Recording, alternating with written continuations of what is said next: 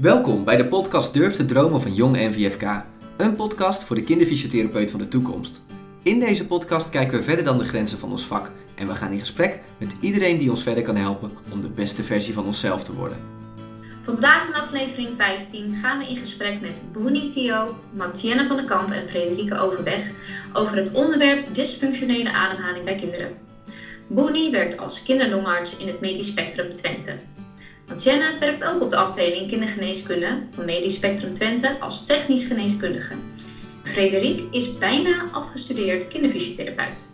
Ze heeft voor haar masterthesis onderzoek gedaan naar dysfunctionele ademhaling bij kinderen. Vandaag zullen wij het uitvoerig met deze specialisten gaan hebben over de oorzaken, symptomen en diagnose van ademhalingsproblematiek bij kinderen en de rol van de kinderfysiotherapeut bij het behandelen van kinderen met een dysfunctionele ademhaling. Poenie, Matjen en Frederik, welkom. Ehm, we hebben jullie natuurlijk al kort geïntroduceerd, maar zouden jullie jezelf nog eventjes kort willen voorstellen en onze luisteraars willen vertellen waar jullie werken, in wat voor setting dat is en wat jullie dagelijkse bezigheden zijn? Matjen, wil jij, wil jij ons vertellen wat jouw achtergrond is? Ja, ik ben dus uh, van den Kamp. Ik uh, ben 29 jaar en ik werk vijf jaar als technisch geneeskundige bij de kinderafdeling in het Medisch Spectrum Twente. Ja, en eigenlijk sta ik met één been sta ik in, in het onderzoek en het innovatie. Um, en met het andere been sta ik eigenlijk in de patiëntenzorg. En uh, waar de patiëntenzorg bij mij voornamelijk om draait, is de, dat ik me bezig hou met kinderen met benauwdheidsklachten. En we hebben een uh, inspanningslab waarin we uh, die diagnose kunnen stellen. Wat leuk, ja. ja. En ook veel onderzoek dus daarnaar. Ja, zeker. Naar de benauwdheidsklachten, zowel inderdaad op het gebied van dysfunctioneel ademen, maar ook een stukje, een stukje astma. En Boenie? Ik ben, uh, ja, ik ben Boenie Tio, ik ben kinderarts, kinderlongarts. Ik, uh, ik werk sinds 1 jaar in het MST in Enschede. En uh, ja, ik ben eigenlijk al sinds ik basisarts ben geworden, ik denk ruim 30 jaar geleden, ben ik nou, actief onderzoeker, wetenschappelijk onderzoeker. En dat combineer ik met de kindergeneeskunde. En ik heb me langzaam gespecialiseerd in ja, in, in, in inspanningsprovocatietesten was ook het onderwerp van mijn proef, proefschrift. En uh, ik heb de draad weer opgepakt in, uh, in Enschede. En uh, omdat ik heel goed erg geloof dat, het, ja, dat je dus een veel beter blik krijgt op het kind. Als je ook gewoon onder, ja, de omstandigheden creëert waarbij die klachten krijgt. In plaats van dat je er altijd over praat. En dat is mijn onderzoek begonnen, uh, mijn promotieonderzoek, en ik heb het eigenlijk in de praktijk, probeer ik dat ook steeds telkens zo te doen. Ja, oké. Okay. Mooi. Oké. Okay. En tot Frederik? Nou, mijn naam is Frederik Overweg en ik ben, als het goed is, over een maand afgestudeerd als kinderfysiotherapeut. Ik werk in de eerste lijn in uh, Zuid-Laren en in Drachten. En daarnaast ben ik op dit moment nog studentambassadeur bij de Hogeschool Utrecht voor de Jong NVFK. Um, en daarnaast ben ik onderdeel van um, de werkveldcommissie van de Hogeschool Utrecht. En ben ik lid van de congrescommissie van de NVFK. Kijk, een volle week. En bijna afgestudeerd kinderfysiotherapeut dus. En bijna afgestudeerd, gelukkig. En ook jij, net als Boenie en Matjen, bent, bent druk bezig met onderzoek naar een dysfunctionele ademhaling. Hè? Want jij gebruikt dit voor jouw thesis, wat wij begrepen. Ja, ja, in samenwerking met het Medisch Spectrum Twente heb ik onderzoek gedaan naar hoe kinderen de overdracht ervaren vanuit het ziekenhuis naar de eerste lijn. Uh, en ook hoe zij de behandeling ervaren bij de kinderfysiotherapeut. En dat was super leuk om te doen. En ik heb dan kwalitatief onderzoek gedaan. Wat goed, leuk. Oké. Okay. En ben je daarbij ook nog, of misschien om even daar verder op in te haken, het kwalitatief onderzoek. En heb jij daar ook wat uh, geschreven over uh, behandeling, over het inhoudelijk stukje, zeg maar? Zou je daar wat over kunnen vertellen? Uh, ja, daar heb ik wel wat over geschreven. het is geen effectstudie natuurlijk, omdat het kwalitatief onderzoek is. Maar wat ik wel heb gezien bij de behandeling van kinderen, bij kinderfysiotherapeuten die in het longnetwerk zitten van het Medisch Spectrum Twente, is dat er gelijkenissen zitten in de behandeling. Dus je ziet terug dat er ademhalingsoefeningen in voorkomen. Dat er een stukje ademhalingseducatie in voorkomt.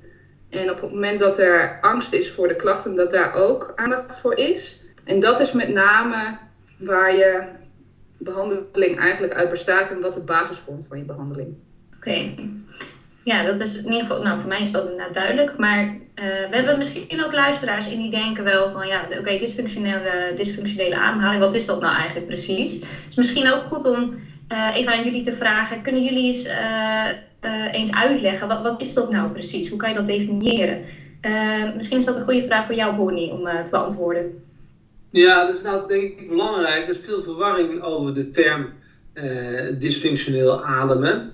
En um, er zijn al veel de, definities geopperd in de literatuur. En uh, welke mij het meest bevalt, is dat er sprake is van een verstoorde uh, ademhaling qua mechanica van de ademhaling. En je hebt natuurlijk een normale rustademhaling en je hebt een normale ademhaling bij inspanning. En um, nou, dat is, daar, die kan verstoord raken. Mensen kunnen dat gewoon uh, op een bepaalde manier uh, een, een, soort ademhalingspatroon aanwennen, aanleren, uitgelokt door bepaalde triggers. En uh, ze zijn zich vaak niet van bewust, maar dat kan dus de klachten uitlokken. En dus het is eigenlijk een, een, een de, de, normale adem, adempatroon is verstoord. En de normale bewegingen die je ziet, bij de ademhaling die, die, die verlopen anders. En het lichaam is daar natuurlijk niet op gebouwd. De spieren, uh, pezen, botten komen natuurlijk in een andere stand en hoek te staan, waardoor klachten kunnen optreden. En, en uh, er kan pijn ontstaan in de ribbenkast, er kan een gevoel van benauwdheid ontstaan, er kunnen allerlei klachten ontstaan en die niet direct duiden op de oorzaak. En, en, dat verstoorde aanmaningspatroon.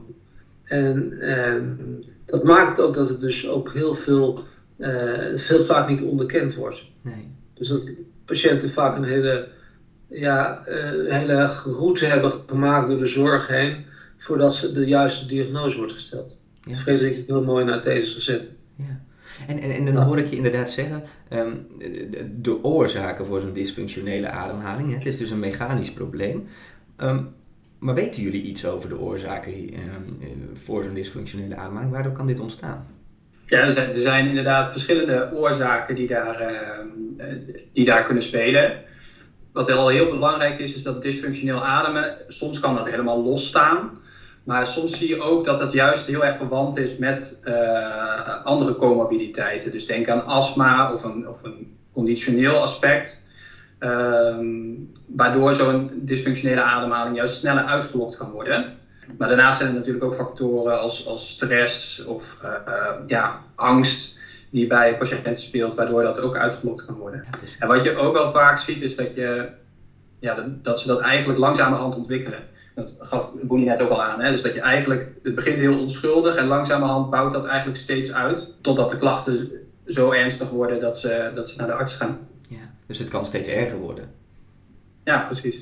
Ja. Oké. En hoe wordt dat nou uh, gediagnosticeerd? Van ja, er is sprake van een dysfunctionele ademhaling. Nou, dat is soms heel lastig, want het kan inderdaad heel subtiel verlopen.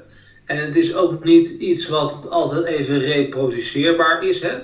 Als je uh, uh, astma hebt precies, dan kan je gewoon bepaalde objectieve testen. Kan je dat altijd zien als er klachten zijn. Dan zie je bepaalde afwijkingen in de longfunctie.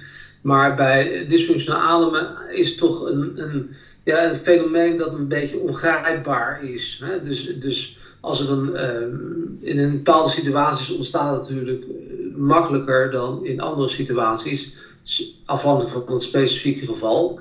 Maar vaak is er wel sprake, bij kinderen in ieder geval, van een bepaalde stress. Of een psychologische of een fysiologische stress. Mm Fysiologische stress bedoel ik ziekte of inspanning of uh, dat het lichaam, er wordt iets meer van het lichaam gevraagd. En er is, de ademhaling past zich aan natuurlijk aan die fysiologische stress. En, uh, maar de ademhaling past zich niet adequaat aan. Er is een soort overcompensatie. En natuurlijk als je koorts hebt, ga je sneller en dieper ademen. Maar je kan dan ook te snel gaan, waardoor je bij, je ook niet lekker voelt en nog zieker voelt. Ook, ook door die koorts voel je al niet lekker, maar met een snelle ademhaling voel je je helemaal niet lekker. Zo gaat het ook bij inspanning. En, uh, kijk, de klassieke vorm van hyperventilatie zien we bij kinderen niet veel. Misschien wel bij de oudere pubers en adolescenten. het is vaak ja, getriggerd door iets. En dat is een bepaalde stress en die situaties herhalen zich natuurlijk in het dagelijks leven. En dan leren kinderen zich bepaalde verkeerde adempatronen aan. En dan komen ze weer in diezelfde situatie. En dan, ja, dan is het een soort geconditioneerde uh, reflex die ontstaat, die kan verergeren. Ja. En uh, uh, nou, als het zo, zo'n grote rol aanneemt, dan kunnen er ook lichamelijke klachten ontstaan. En die kunnen ook helemaal buiten, de, buiten het luchtwegsysteem om, om, omheen omgaan. En, en dan komen mensen bij de dokter. Maar ja, goed, dan wordt er vaak een dokter bijgezocht die misschien niet direct met de longen te maken heeft. En dan, ja, dan, dan ontstaat dus die, uh, ja, die, die zoektocht. Ja, ja, ja. En, en, en stel dat een kind zich bij jullie aanmeldt met een dysfunctionele ademhaling. Eh, zijn er dan bepaalde tests die jullie kunnen uitvoeren om deze diagnose dan vast te stellen? Of hoe, hoe gaat dat? Ja, vaak melden ze zich dus niet echt met de klacht dysfunctionele ademhaling, maar ja, vaak presenteert het zich als benauwdheid of kortademigheid bij inspanning. Ja, natuurlijk, ja. Ja, en, en wat je dan dus eigenlijk wil doen, is, is eigenlijk kijken of je die klachten kan provoceren. En dat is bijvoorbeeld iets wat wij ook in ons uh, inspanningslab doen. Dus eigenlijk wat we willen doen, is kinderen ja, flink laten inspannen. Mhm. En dat doen we in eerste instantie op een submaximaal in onze klimaatkamer. Wat we eigenlijk ook willen doen, is om zoveel mogelijk prikkeling te kunnen geven. Ehm, dus we hebben een koude, droge lucht die we daar hanteren. En dan laten we ze eigenlijk submaximaal laten we ze zes minuten inspannen. Ehm, dat is eigenlijk ook ons protocol om astma uh, test uit te voeren. Want dat prikkelt de luchtwegen het meest, zodat we ook met longfunctie eventueel kunnen uitsluiten dat er geen astmatische component zit. Of ah, juist kunnen bevestigen dat daar de benauwdheidsklachten vandaan komen. Ja. Nou, vervolgens, als we die test dus hebben gedaan, kunnen we dus heel goed naar die longfunctie kijken. Maar tijdens de test meten we ook met behulp van camera en audio, ja, kunnen, kunnen we ook bepaalde uh, aspecten bekijken van de ademhaling en de houding van de patiënt op dat moment. Ja, precies. En, en, en die submaximaal testen, zijn dat dan de testen die wij vanuit de kinderfysiotherapie kennen? Denk aan een, een, een, loopbandtest, een bruce-test of een, of een of, of gaat dat op de fiets? Of hoe, hoe, hoe, hoe gaat dat?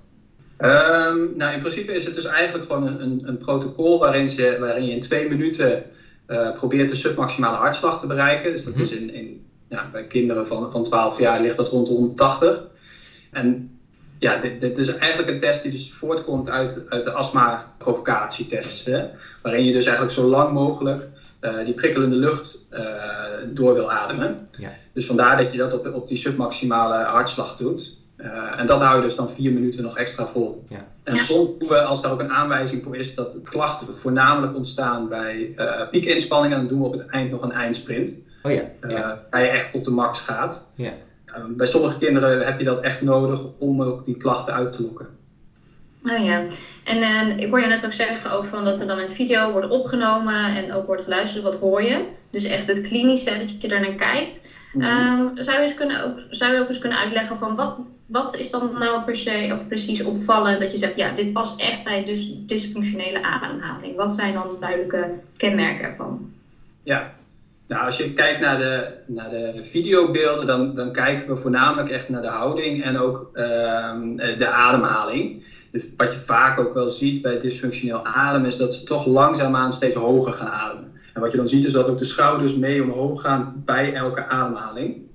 Dat is een heel belangrijk aspect. Aan de audio kun je, ja, kun je ademhalingsgeluiden horen. Dus of er misschien piepen uh, ontstaat of een inspiratoire stridor. Um, en daarnaast kun je natuurlijk ook gewoon uh, luisteren naar de ademhalingsfrequentie. En of, of er juist meer tijd nodig is om in te ademen. Of dat juist de focus ligt op, op de uitademing. Dat zijn allemaal aspecten die we daarin meenemen. Ja, het lastige is dus dat die hoogtelokale ademhaling, die typisch is voor uh, dysfunctioneel ademen, dat zie je dus ook als kinderen astmatisch worden. Dan krijgen ze ook een hoogtelokale ademhaling. En um, dus, dus, dus, dus regelmatig ook dat kinderen die dus hoogtelokaal ademhalen versleten worden voor dysfunctionele ademers, terwijl ze gewoon een astmaaanval hebben. -hmm. En dus om die uit elkaar te halen heb je echt de longfunctie nodig om te, zien, om te zien of er ook een astmatische component is. En soms is er ook een mix van, van beide, uh, allebei. Maar wat je ook heel, vind ik, vaak ziet, de, de ademhaling wordt irregulair. Hè? al bij submaximaal, dus bij een hartslag van 140, 150, ontstaat dan irregulaire ademhaling. En ook een hele snelle ademhaling. Terwijl eigenlijk nog heel ver van je maximum af zit, vliegt de ademhaling eigenlijk al uit de bocht. En er komt een bepaalde stress bij kinderen. Ja, ja. Die gepaard gaat met hele snelle, diepe ademhaling, die eigenlijk helemaal niet adequaat is voor de mate van inspanning die ze leveren. En juist ook nog weer dat door, dat ze dan hun ademhaling ook doorhebben, dat die versnelt en dat ze daardoor nog extra in de stress schieten. Ja. Waardoor, ja, waardoor het helemaal uit de hand loopt en dat ze van de band afspringen of op de noodknop drukken. Ja. Dit herken ik ook wel een beetje van bij mij in de praktijk. Als wij een fitheidstest doen bijvoorbeeld met een kind, dan komt het ook wel eens voor dat, dat je ehm, vaak bijvoorbeeld niet de maximale inspanning haalt, omdat een kind in problemen komt met ademhaling bijvoorbeeld. En op het moment dat een kind dat dan doorheeft, dat dan de paniek alleen maar meer wordt. En dat de ademhaling dus daar alleen maar verslechtert. Ja. Nou, het kan natuurlijk ook voorkomen dat uh, andere kinderen merken het dan op. Hè? Als, als, als kinderen gaan hijgen snel of een hoorbare ademhaling hebben. En dat, dat, ja, dat kan ook opvallen. Dus het komt er regelmatig voor dat we kinderen eh, krijgen voor testen die dus niet goed kunnen meekomen met, uh, met andere kinderen. En dat wij moeten kijken van wat daar de oorzaak van, van is. En dan, ja, dan zit er regelmatig ook een dysfunctioneel adempatroon achter. Dat kinderen gewoon een ademhaling niet onder controle hebben. En de stress dat ze natuurlijk weer uit gaan vallen. Uh, dat is natuurlijk, uh, natuurlijk een grote, ja, grote. Dat is heel erg vervelend voor kinderen. Dan, dat maakt al dat die ademhaling al sneller op hol slaat. Ja, precies kan me voorstellen. Ja, dat herken ik ook. Nou, ik, ik zat nog een beetje na te denken. Want ik hoorde jou, Oenie, al een aantal um, nou ja, typische symptomen noemen. Ik hoorde een hoogtoricale ademhaling. Ik hoorde een, een, een hoorbare ademhaling.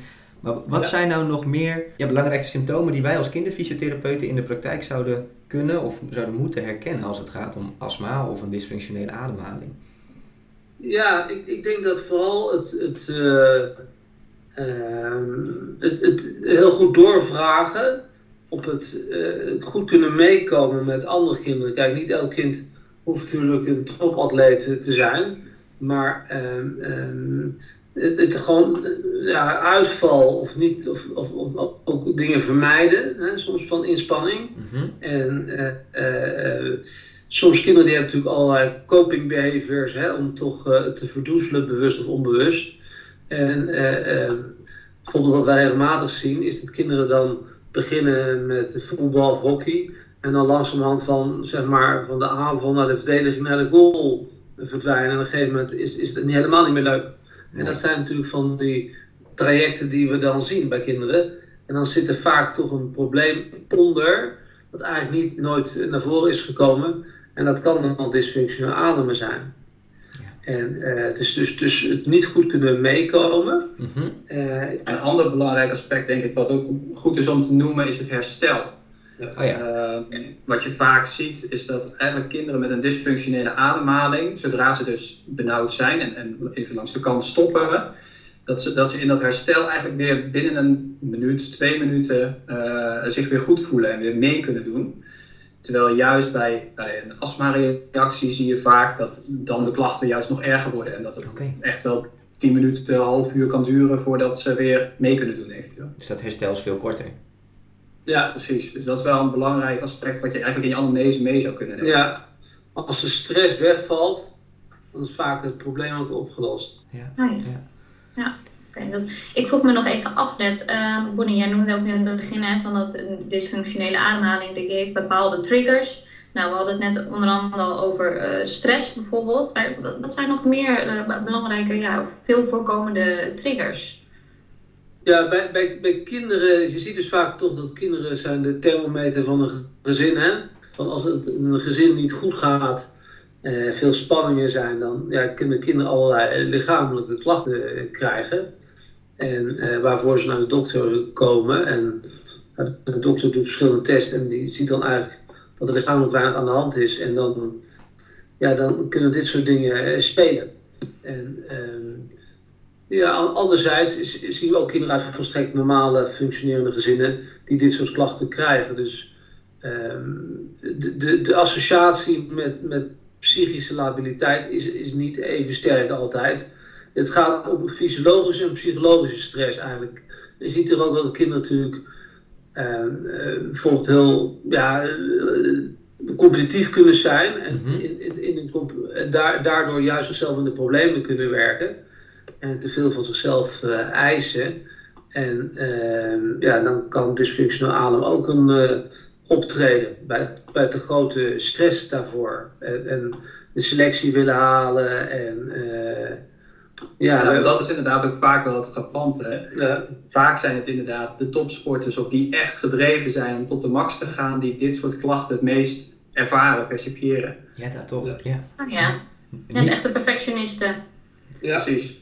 En ook wel kinderen die bijvoorbeeld op school goed willen presteren. Dus op het moment dat je kinderen hebt die heel erg streverig zijn voor een hoog cijfer, dan zie je dat ook wel weer. Zie je deze klachten ook wel sneller bij terug op de een of andere manier. Ja. Maar dat is wel ja. grappig, want je zou misschien, eh, als, ik, als ik er dan zo aan zit te denken, dan zou je dit soort klachten misschien eerder verwachten bij een conditioneel wat zwakker kind of een kind wat wat minder sport. Of, hè, dat... Nee, maar dat kan, dat kan ook hoor, dat zeker. Dat, dat komt ook absoluut voor. Het komt eigenlijk in, in allerlei situaties voor waar, er, uh, uh, ja, waar, waar gewoon de kinderen op een bepaalde manier niet goed om, om kunnen gaan met een bepaalde stress die er is. Ja. En, uh, het is vaak het is niet bewust, hè? het is. Het is vaak een onbewust uh, verkeerde copingreactie.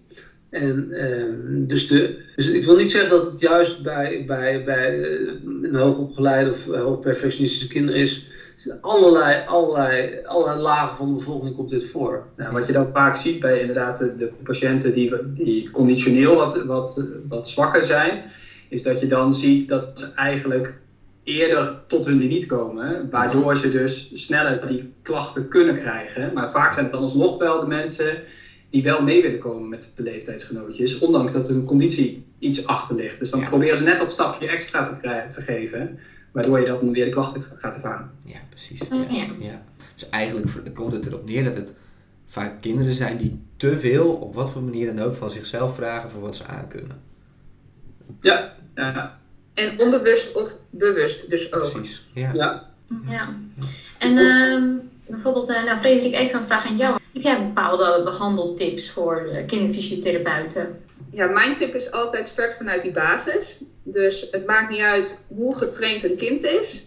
Vaak zie je al in de rust dat die ademhaling niet optimaal is. En als je dan bij inspanning start, dan zal je niet het voor elkaar kunnen krijgen om die ademhaling te normaliseren. Dus je moet starten vanuit rust. Dus ik begin altijd met ademhalingsoefeningen. En daarnaast leg ik ook uit um, wat er gebeurt. Dus ik, zie, ik, leg, um, ik vertel wat ik zie bij het kind en ik vraag het dan ook terug of dat ook klopt. En daarin zie je heel vaak zo'n aha-momentje bij kinderen en bij ouders ook. En op die manier ga je uitbouwen naar een stukje educatie. Dus je vertelt wat over de ademhaling en wat normaal is en wat niet normaal is. En op die manier, samen met die ademhalingsoefeningen, uh, heb je vaak al het grootste gedeelte van de kinderen uh, te pakken. Tijdens een loopbandtest kijk ik wat er gebeurt met de ademhaling. Hoe reageert het kind op inspanning? En daarin kan ik bijvoorbeeld zien dat een kind heel veel aan het zuchten is, of dat een kind heel veel aan het kuchen is, of uh, heel veel slikt. Maar ook op het moment dat een kind heel veel spanning opbouwt rondom de mond of rondom de keel, uh, dan ga je ook zien dat een kind het zwaarder gaat hebben tijdens zo'n loopbandtest. Nou, en daarnaast kijk ik ook naar de ademhaling in rust. En daarin valt het mij heel erg op dat uh, veel kinderen ook niet weten hoe ze die ademhaling naar de buik goed kunnen aansturen. Dus dat is al een hele lastige vraag. En uh, daar ga je dan heel erg op in. Dus eigenlijk start je dan vervolgens vanuit de basis en bouw je dan weer op naar inspanning. Uh, weet jij of er ook uh, kinderen zijn met bepaalde aandoeningen met een dysfunctioneel, dysfunctionele ademhaling? Dus we hebben het nu vooral gehad ook over psychologische factoren. Zijn er uh, ja, nog andere bepaalde aandoeningen waar dat veel bij voorkomt? Misschien kan zo een van de anderen dat nog even aanvullen. Nou, wat, je vooral, wat ik tot nu toe heb gezien is of kinderen met dysfunctionele ademhaling zonder comorbiditeit of met. En dan de comorbiditeit die ik veel heb gezien bij kinderen is astma. En dan is het de vraag hoe het kind reageert op de behandeling als de astma goed onder controle is, of juist als de astma niet goed onder controle is. En daarin zie je wel verschil in de behandeling. Hoe goed jouw behandeling aansluit op, uh, nou ja, op, die, op de dysfunctionele ademhaling, maar ook op die comorbiditeit. Ja. En, en dat is wel gelijk heel leuk, want hoe ziet een goede behandeling bij dysfunctionele ademhaling of bij astma, hoe, hoe ziet die er nou uit als we het dan echt hebben over de kinderfysiotherapeutische uh, behandel, uh, behandelingen? Het bestaat uit meerdere elementen. Dus het bestaat uit een stukje ademhalingstraining, mhm. waarin je echt vanuit rust start. Dus in lig, zijlig, ruglig, daarna in zit en in stand. Um, je wil heel graag dat het kind leert om die buikademhaling goed actief aan te sturen. Want op het moment dat dat lukt, dan heeft een kind veel meer vermogen om op te bouwen op het moment dat het gaat inspannen. Ja. Uh, dus mijn behandeling start vanuit die ademhalingsoefeningen. Kinderen krijgen ook dagelijks die oefening mee. Vaak zeg ik ook doe het thuis en uh, voor het slapen gaan vooral. Aan, aan, wat voor oefeningen moeten we dan denken ongeveer? Voor de kinderfysiotherapeuten die hier niet veel mee werken. Uh, ja, door... Oh, dat vind ik lastig om te zeggen. Ehm, je wil graag dat een kind een langere uitademhaling heeft dan een inademhaling. Ja. En wat ik daar vaak bij gebruik is een app. Het heet de Breathing App. En daarbij hoor je een geluidje van uh, wat moet symboliseren dat je inademt en uitademt. En daar heb je een, een, balletje bij wat groter en kleiner wordt. Oh ja. En dat gebruik ik om kinderen visueel te laten inzien wat je ademhaling doet. En op die manier wil ik graag dat het kind meegaat in het tempo van het geluid en van dat balletje. Ja. ja. En, uh, op die manier probeer ik ze die ademhaling aan te leren. En dan vraag ik ze om dat dagelijks te doen. En dan voor slapen gaan is vaak een goed moment, want dan komen ze ook tot rust. En um, door het echt routinematig in je dagelijkse programma te doen, leren kinderen dat ook vaak goed oppakken. En daarnaast leg ik ook altijd veel uit over de ademhaling. Dus ik vertel wat normaal is en wat niet normaal is. En dan maak ik altijd een koppeling met datgene wat het kind ervaart. En dan probeer ik ook wel het dusdanig uit te vragen dat het kind moet gaan vertellen of het wel of niet normaal is. Oh ja. Op die manier wil ik dat ze zelf inzichten gaan creëren in wat, wat nou functioneel is en wat niet functioneel is met je ademhaling. En dan vervolgens dan ga ik uitbouwen naar hoe. Uh, dan ga ik uitbouwen naar een stukje inspanning. En dat is vaak gematigde inspanning. Dat kan al zijn lopend op de loopband op een snelheid van 4,5 kilometer. Of wandelen of op de, van pion naar pion. Of op een cross trainer of op een fiets. Of een klein spelletje. Als je een jong kind hebt, dan ga je niet alleen uh, op de apparatuur. Um, en dan ga ik weer terug naar die ademhalingsoefeningen elke keer de herhaling tussen gematigde inspanning en de ademhalingsoefeningen. En op het moment dat je dan weer steeds verder komt in je traject, dan kan je ook steeds meer van die fysieke inspanning vragen. En dan uiteindelijk doe ik ook soms wel eens high intensity intervaltraining. Maar dan ook weer in combinatie met de ademhalingsoefeningen. Precies, dus het begint echt met de ademhalingsoefeningen, een stukje educatie daarbij en dat dan vervolgens uitbouwend in steeds moeilijk wordende, of moeilijk wordende uh, uh, fysieke activiteiten uh, Waarbij de kinderen dan nog steeds die ademhaling goed onder controle zouden moeten houden. Ja, en dan is het ook afhankelijk van het doel van het kind wanneer je stopt. Dus bij een kind wat, uh, wat al heel fit is, kan je sneller stoppen. Dan een kind wat wat minder fit is. Dus uh, ik had laatst een meisje onder behandeling die ehm, aan survival doet. En die op een FitKids test boven de P50 scoort. Nou, op het moment dat zij dan die ademhaling onder controle heeft en weet wat ze moet doen op het moment dat zij hoog in haar ademhaling zit, dan is mijn doel al bereikt. Want haar conditie hoeft het niet te verbeteren. Het enige wat ik bij haar hoefde te verbeteren was haar ademhalingspatroon. Ja. En dat lukt haar heel erg goed, omdat ze dagelijks mee aan de slag ging en omdat ze heel duidelijk die inzichten kreeg in waar het misging bij haar. Ja, ja, ja. Dus ik denk dat dat heel belangrijk is dat uh, ik denk het begin van de behandeling is goede uitleg. Ja. Mensen die hebben vaak een hele route afgelegd waar we net over hadden. En uh, die hebben ook symptomen die beangstigend zijn. Hè. Ze krijgen pijn op de borst. Uh, soms ze, ze zijn benauwd. En uh, uitlegt dat het eigenlijk om een relatief onschuldig fenomeen gaat. Hè? Dat een hart en longen eigenlijk super gezond zijn. En uh, is het eigenlijk al heel belangrijk in eerste instantie om hun gerust te stellen. Dat het eigenlijk een, techniek van ademen is die op zich heel goed weer aan te passen is. Dat het heel goed aan te leren is. En dat het ook niets te maken heeft met uh, psychische labiliteit of zoiets. ik denk dat het hele belangrijke elementen zijn. Want dat is natuurlijk ja, mensen zijn natuurlijk vaak al ja, die zijn angstig voor ernstige diagnoses. Ouders worden natuurlijk ook mhm. bang als een kind pijn op de borst heeft. Dat wordt natuurlijk toch geassocieerd met, met hartklachten. En uh, elke familie zit wel iemand die natuurlijk een ernstig hartprobleem heeft gehad. Dus dat moet je eerst ontzenuwen. En, uh, en zeggen dat het om een behandelbaar iets is, gaat. Dat, uh, en, en, en, dat is denk ik heel belangrijk als basis voor de, voor de behandeling. Zodat ook de fysiotherapeut ook ermee aan de slag kan. Ja, ja. En, en krijgen deze kinderen en hun ouders, krijgen ze deze educatie dan ook vaak al vanuit het ziekenhuis mee, van jullie bijvoorbeeld? Voordat ze überhaupt bij een kinderfysiotherapeut komen? Ja, ja wat, wat wij dus bijvoorbeeld, wij doen dus die inspanningsprovocatietest en daarmee testen we eigenlijk ook alle testen dat, dat de longen gezond zijn. We doen longfunctietesten voor. We kijken of de hartslag goed reageert op de inspanning die we doen. Dus dat stukje zekerheid kunnen we, kunnen we ze dan ook al meegeven. Ja, precies. En daar zit ook al educatie in natuurlijk. Dat ze zien, hé, hey, dit, gaat goed. ja. ja. En, en aan de hand van de beelden ook die we opnemen, kunnen we ook laten zien wat er gebeurt. Hè. Kijk, bijvoorbeeld die hoofdtorokale ademhaling, kunnen we ook terug laten zien aan de patiënt, om te laten zien dat dat gebeurt. En dan begrijpen ze ook uh, wat het fenomeen dysfunctioneel ademen is en wat er gebeurt.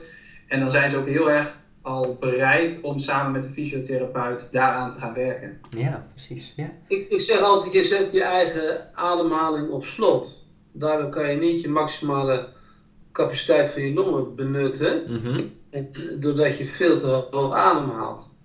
En, uh, en, en, dus, dus dat, dat, dan, dan, dat is voor hen iets dat je ze kunnen begrijpen. En uh, dat maakt ook de weg vrij voor de fysiotherapeut om, uh, om aan, de gang te, aan de gang te kunnen. Ja, precies. Het is vaak een grote opluchting voor patiënten om te horen dat, dat ze eigenlijk niks lichamelijks uh, mankeren. Ja. En ook psychisch ook niet. Nee, nee. Het is natuurlijk ook veel mensen erg belastend. Nee. Snap ik, ja. Ik kan me voorstellen dat dat wel elkaar versterkt. Natuurlijk, wat jullie net ook zeiden, als je dan al een hogere ademhaling hebt, dan raken ze ook eerder in paniek, dan krijg je een vicieuze cirkel. Dat werkt dus ook andersom. Het gevoel, mijn kinderen hebben daadwerkelijk het gevoel dat ze aan hun limiet zitten. Mm En wij kunnen met de parameters uitleggen dat ze nog niet aan hun limiet zitten. Maar dat, dat, dat ze die nooit kunnen bereiken omdat ze zichzelf dwarsbomen. Ja, ja. En misschien is dit ook eigenlijk dan inderdaad, als ik het zo hoor, wel weer heel erg belangrijk. Want hoe vaak zal het wel niet voorkomen dat een kind dan toch wordt overvraagd of wordt gepusht van kom op, ga nou door, je kan het wel. Of dat er wordt gedacht dat een kind zich misschien, ik noem het maar eventjes zo, aanstelt. Ehm, terwijl het kind daadwerkelijk echt aan zijn limiet zit. Of haar limiet. Het mooiste voorbeeld was van een van mijn collega's, kinderartsen en die, die had een kind en uh, die af en toe ging op het hockeyveld gewoon zitten. En die vader die moest hem van het hockeyveld afslepen. Ja, precies. En iedereen zei van dat kind heeft echt een gedragsprobleem en dit is abnormaal gedrag. En, en, en hij schaamde zich rond heel gênant. Ja. Totdat wij hem een keertje testen en toen bleek dat hij 70% longfunctiedaling had. Als hij als die een paar sprintjes getrokken had. Ja, dus, dus, dus, en kinderen kunnen daardoor natuurlijk een soort gedrag vertonen mhm. bij zo'n longfunctiedaling, dat je dus ook dat niet direct doorhebt dat het van de longen een probleem is. Nee, nee. Dus helemaal in paniek raken of, of, of uh, huilen of overstuur raken. En, en, en uh, ja, dus het is voor, dus vaak voor heel veel mensen, een, het is ook een prettige diagnose in die zin dat het, dat het iets is wat gewoon, ja, gewoon makkelijk op te lossen is. Relatief makkelijk. We zien wel dat het vaak natuurlijk toch ook wel weer terug kan komen. Hè, Frederik, dat je soms kinderen weer een opfriscursus nodig hebben na één of twee jaar. Oh ja. Dat kennelijk tot de neiging bij sommige mensen erin zit om met een ademhaling te reageren op bepaalde situaties. En, maar goed, dan is het ook vaak snel weer gerepareerd. Ja, en wat ook wel de, wat echt de kracht is, denk ik, van, van jullie als kinderfysiotherapeut, is dat jullie ook, ja, wat Frederik zegt, je begint eigenlijk met de basis, hè, met de ademhalingsoefeningen en, en ook ja, hoe, het voelen van de klachten en het benoemen van de klachten. Maar je gaat wel proberen uit te bouwen en het ook tijdens inspanning uh, aan te sturen en, en, en daarmee bezig te gaan. En dat is denk ik wel ook echt een kracht. Want we hebben ook vaak genoeg verwijzingen gekregen die dan via de huisarts in eerste instantie bij volwassen fysiotherapie uh, terecht zijn gekomen. En dan blijft het soms haken op, op de ademhalingsoefeningen aan zich. En daar, daar stopt het. Maar dat is ook wel echt de kracht uh, die wij hebben gezien van de behandeling zoals, uh, zoals die bij de kinderfysiotherapeut ingezet wordt. Ja, ja en ja. dan daar mag aansluiten ook dat um, ik heb een kind geïnterviewd waarbij zij bij een reguliere fysiotherapeut kwam. En um, zij kreeg van haar fysiotherapeut geen ademhalingsoefeningen. En dan zie je toch dat zij niet helemaal volledig herstelt. En de fysiotherapeut constateert eigenlijk dat er een conditioneel probleem is. Terwijl de diagnose dan wel is gesteld. Um, dus er moet wel goed afgestemd worden op die diagnose. Alleen je conditie verbeteren helpt niet bij deze kinderen, omdat zij in die, in die fysieke inspanning merken dat zij tegen de lamp aanlopen. Ja. Dus je moet eigenlijk die ademhaling gewoon opnieuw gaan trainen. Maar op het moment dat je dat niet traint, zal je het probleem niet verhelpen. Nee, nee, nee, nee precies. Daarom ben ik erg voor een warme overdracht van patiënten. Dus gewoon dat je gewoon, ja, dat je aan elkaar kan bevragen, het liefst ook met behulp van beelden. Want je patiënt kan overdragen van. Het is nog te, bij elk kind net weer wat anders. Hè? En het is moeilijk in, in medische termen te vatten waar precies de schoen wringt. Ja, en, ja. en, dus het is heel belangrijk, denk ik, dat je met vaste kinderfysiotherapeuten werkt. En dat je dezelfde taal spreekt over. Ja, precies. Ja. Ja. Ja. Dat is ook een van de redenen natuurlijk dat wij als, als, als diagnostisch centrum ook samenwerking aangegaan zijn met fysiotherapeuten in, in de regio. Ja. Uh, en dat we ook regelmatig bijeenkomsten hebben om dit soort uh, ja. casuïstiek te bespreken. Ja, heel goed. Ja. Ja. Dat is mooi. Zijn er eigenlijk nog, uh, nog andere diagnostische centra in Nederland? Of is dat vooral jullie? Nou, waar, volgens mij waar echt uh, wetenschappelijk onderzoek wordt gedaan op dit terrein, denk ik niet dat dat in Nederland is. En uh, uh, dus, nee, dus wij zijn de enige die proberen, denk ik, toch ook, ja, we zijn ook bezig met nieuwe toch, tools te ontwikkelen om het toch ja, objectief te kunnen diagnosticeren. Mm -hmm. Dat je, kijk, in ons lab kunnen wij dit ook natuurlijk, en, maar het is natuurlijk wel een hele, hele, heel gedoe, zeg maar, zo'n test. We zijn altijd op zoek naar, naar ja, een nieuwe innovatieve diagnostiek die het makkelijker kan, dat het makkelijker is ook voor jullie om dat diagnose te stellen. Ja. En, ja. En, ja. Uh, uh, ja, je kan natuurlijk klachtenpatronen proberen te, te herkennen, maar uh, vaak om het echt toch hard te maken en mensen echt ook te kunnen geruststellen, is natuurlijk toch nog vaak een, een provocatietest nodig Precies. met uitsluiting van longfunctie problematiek. En uh, dus het zou mooi zijn als we toch een gerichte tool kunnen ontwikkelen met z'n allen. Om, om, om, om het uh, te doen, ja, om het echt aan te tonen. Als ik daar even mag op aansluiten. Ik werk nu sinds kort in een andere regio en voorheen werkte ik in Enschede. Dus die samenwerking uh, met het MST was voor mij heel erg fijn. Dus ik herkende ook heel duidelijk wat op een verwijzing stond. Maar nu in een andere regio merk ik dat het anders is. Dus dan zie ik terug in, maar in de eerste lijn dat kinderen een ander onderzoekstraject hebben doorlopen dan in het MST. En dan leer je ook heel erg waarderen dat die diagnostiek gewoon zo belangrijk is voor deze kinderen. Ja. En daar zou het heel fijn zijn als dit niet alleen lokaal blijft, maar dat dit dus ook in, verder in Nederland wordt gedaan. Ja. Ja. Voor jullie is het heel lastig als je toch bepaalde onzekerheid blijft over de diagnose. Hè? Ja. Want als je niet kan uitsluiten dat er toch, toch een astma speelt of een andere chronische ziekte, dan is het heel moeilijk om uh, therapie te, te doen. Hè? Als je dus dat niet, ja, met onzekerheid werken is natuurlijk heel lastig voor een fysiotherapeut, denk ik. Ja, nee, zeker is het, dit is het probleem en zo ziet het eruit en daar gaan we aan werken. Als je altijd in je achterhoofd hebt van, oh god, misschien speelt dit ook nog, misschien speelt dat ook nog. ja, dan wordt het heel moeilijk. Klopt. Ja, en, en, en ik hoor, ja, nee, helemaal mee eens. En aan de andere kant hoorde ik inderdaad net ook zeggen, voor de kinderen is het ook heel belangrijk, want dan heeft het beestje een naam. Dan, dan, dan is het daadwerkelijk ja. Ja, een antwoord eigenlijk op het probleem waar ze al heel lang mee, mee, mee rondliepen. Ja. En, en, en als we het dan inderdaad hebben over diagnostiek, en nou ja, jullie zijn wat dat betreft hartstikke innovatief, begrijp ik, en doen heel veel onderzoek naar. Zijn er nog leuke nieuwtjes, leuke nieuwe innovaties wat dat betreft, waar jullie op dit moment heel druk mee, mee bezig zijn? Nou, ik denk dat we de EMG wel kunnen noemen. Dat is een, een onderzoek waar uh, een collega van mij veel mee bezig is. Ook op het gebied van astma, maar ook op het gebied van dysfunctioneel ademen. Um, en met EMG kun je natuurlijk de, de spieractiviteit van spieren meten. Ja.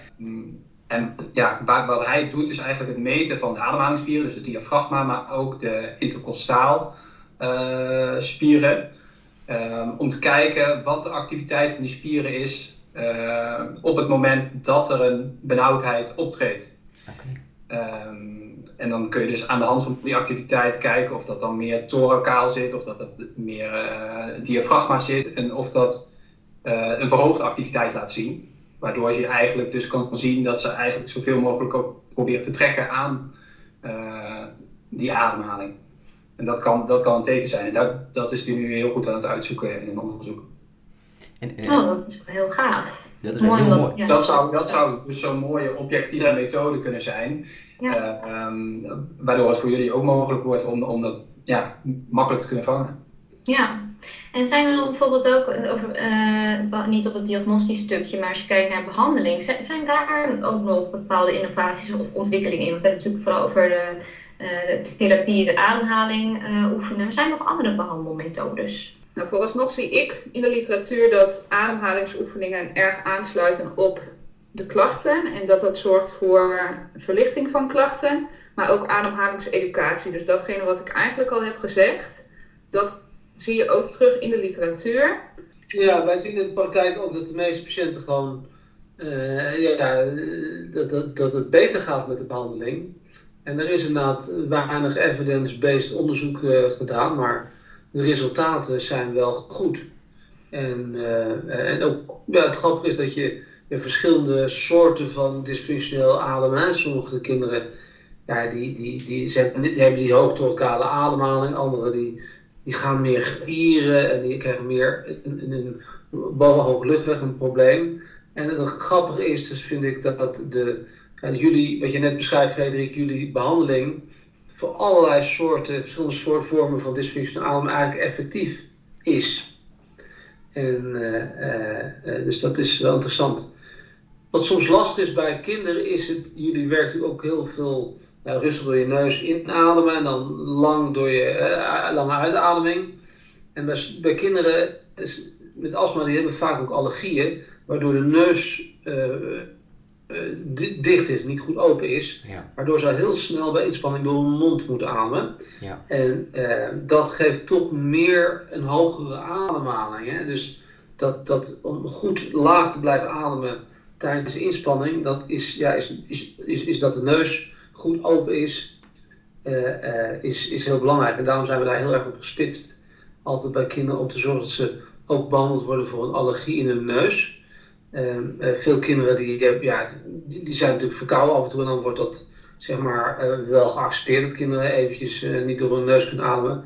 Maar vaak zit er toch een allergie onder. Dus die probeer, de neus proberen we goed te behandelen ook om die ademtechnieken goed ook in de praktijk te kunnen uitvoeren. Ja, dat is dan toch wel een belangrijke voorwaarde, dus begrijp ik. Ja. Ja, ja. ja. Mag ik ook nog wat vragen? Ik ben eigenlijk ook wel benieuwd. Uh, ja, natuurlijk. Zien jullie ook uh, dat kinderen met uh, kinderen die corona hebben gehad, dat zij ook nu sneller bij jullie in de, in de kliniek komen? We hebben wel een aantal kinderen gehad inderdaad met, met long covid ik ben eigenlijk nog geen kinderen tegengekomen met een lage longfunctie daardoor. Hè? Nou, is duidt dat, dat longen beschadigd kunnen raken van COVID. En uh, dat zie je bij, bij volwassenen, zeker als ze langdurige opnames hebben gehad. Maar bij kinderen heb ik dat nog niet gezien. Ze hebben wel zo'n soort chronisch vermoeidheidssyndroom. En dat is bij nou, de ziekte van Vijver en zo. En, eh, maar echt beschadiging van de longen heb ik, eh, heb ik eh, niet gezien. Waar zou dat door kunnen komen, uh, Boenie? Gewoon eventjes... Ja, ik denk, kijk, hoe, hoe, ouder je wordt, hè, dan leun je meer op je, op je afweer qua cellen. Hè? Ja. En je geheugen van je immuuncellen en zo. Hoe jonger je bent, los je veel, je, ja, je geheugen afweer, afweergeheugen is nog niet groot als je jong bent. Dus je leunt meer op de slijmvliesbarrière. Kinderen snotteren en slijmen natuurlijk heel erg. En uh, ja, in, die, in die slijmlaag, de uh, innate immunity heet dat dan, worden veel virussen al gesmoord. Dus een ander soort afweer bij kinderen als bij, bij oudere mensen. En kennelijk is dat virus, kan als het ware heel snel doorwandelen bij oudere mensen naar het, hun systeem in. En bij, bij, bij kinderen wordt het virus opgehouden in de slijmlaag, waardoor het, het afweersysteem in je bloed de tijd heeft om, om te reageren. En daardoor ben je een echte beschadiging op longniveau voor. Ja, precies. Dat is interessant. Ja, nooit ja. bij mij gedacht dat dat de reden was van al die snotneuzen bij uh, kinderen. Ik vind het wel een hele leuke actuele vraag, want dit is natuurlijk wel iets wat nu heel veel speelt ja, de hele COVID-nieuws is natuurlijk heel intimiderend voor, voor, voor mensen. Zeker als je kind, kind een longprobleem heeft. Dus ik, uh, ik zeg heel vaak van, God, maar wij zien niet, ook niet met kinderen met longproblemen extra, die extra kwetsbaar zijn voor COVID. Nee. Dat is, dat is, gelukkig is dat uh, niet het geval. Dus kinderen zijn natuurlijk wel belangrijk in de verspreiding van het virus. Hè? Omdat het natuurlijk, uh, bij elke griep is kinderen, kinderen zijn de motor van, van veel virussen. Ja. Om ze natuurlijk wel bij zich dragen. Ja. Zonder dat ze vaak zelf heel erg ziek van zijn. Ja. Ja. Ja. Ja, leuk. Oké, ik denk dat we aan toe zijn gekomen aan de laatste vraag, Ryan, of niet? Ja, wij gaan, uh, we zouden hier nog hartstikke lang over door kunnen praten natuurlijk. uh, maar we gaan, uh, we gaan rustig afronden, denk ik, inderdaad. Ja. Ja, denk ik ook. Dus dan uh, willen we eigenlijk graag even aan jullie uh, vragen. Ja, hebben jullie misschien nog één, één hele belangrijke tip die jullie graag mee willen geven aan alle kinderfysiotherapeuten? Dat jullie denken, nou dan verbeter je echt de kwaliteit van de zorg. Of daar moet je echt aan denken in uh, dit soort situaties. Nou, net wat Frederik zei, hè? dus dat je echt de anamnese moet uitdiepen. En dat je dus moet kijken van uh, ja, waarom vallen kinderen uit bij inspanning? Het is, uh, um, uh, waarom zijn ze van de, honkbal, van de voetbal naar de honkbal gegaan? En wat is het? Probeer echt gewoon te kijken van waar, waar, of er redenen zijn dat kinderen niet mee kunnen komen. En vaak wordt gezegd van ja, het kind heeft daar niet zo'n behoefte aan, maar het kind houdt er helemaal niet van. Maar ieder kind vindt het leuk om mee te doen met, met, met spelen en sporten met andere kinderen. Dat, dat is gewoon zo. Het is, erg, het is heel erg als je niet mee kan komen. Dus dat is denk ik heel belangrijk, omdat altijd voor de kwaliteit van leven van het kind is heel belangrijk dat hij kan meedoen. Ja. En, en, uh, dus als, als, als dat niet lukt op een of andere manier, dan moet je denk ik als uh, zorgprofessional tot het uiterste gaan om de oorzaak daarvan te achterhalen en dat te proberen op te lossen voor het kind. Ja, ja. Nou, en goeie. Kan je zeker onthouden. Ja, maar Tjen, heb jij er een? Nou, ik denk dat misschien nog wel een tip zou kunnen zijn, inderdaad. Kijk, vaak ga je dan, als je, als je iemand doorverwezen krijgt met, met mogelijk een dysfunctioneel ademen, hè, dan ga je natuurlijk stap voor stap proberen om uh, de behandeling in te zetten.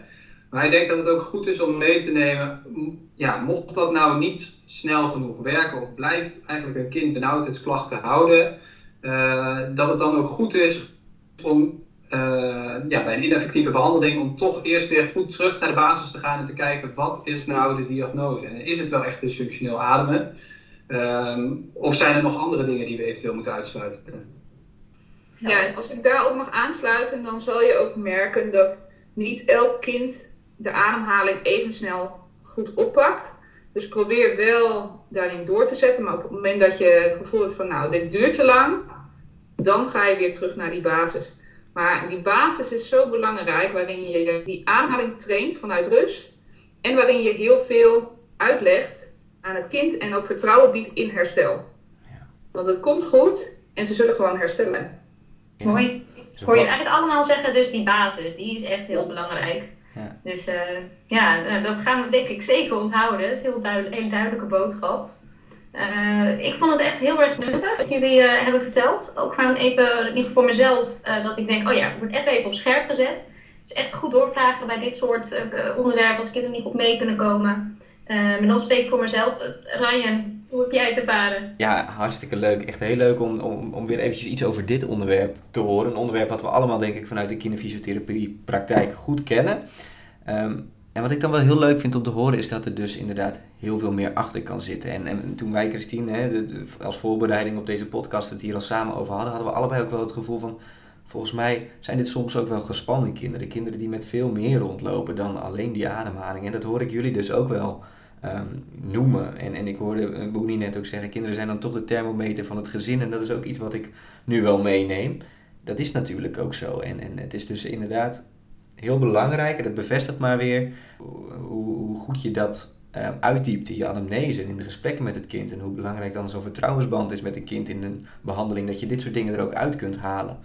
Ehm, ja, dus dat is eigenlijk wat, wat, wat ik zo terug horen hieruit. En, en eigenlijk, um, ja, ik heb nu vakantie, maar over een paar weken gelijk mee terug naar de, naar de praktijk. Ja. ja, precies, ja. Ja, dus echt hartstikke bedankt dat jullie aanwezig wilden zijn bij deze podcast en wat over jullie expertise wilden vertellen. Echt hartstikke leuk. En uh, dus dank jullie wel en een hele fijne avond nog. Heb jij nog vragen of opmerkingen over deze podcastaflevering? Of nog ideeën voor de afleveringen die nog komen gaan? Laat het ons dan weten per mail via jong.nvfk.nl of laat een opmerking achter op onze social media kanalen van de NVFK.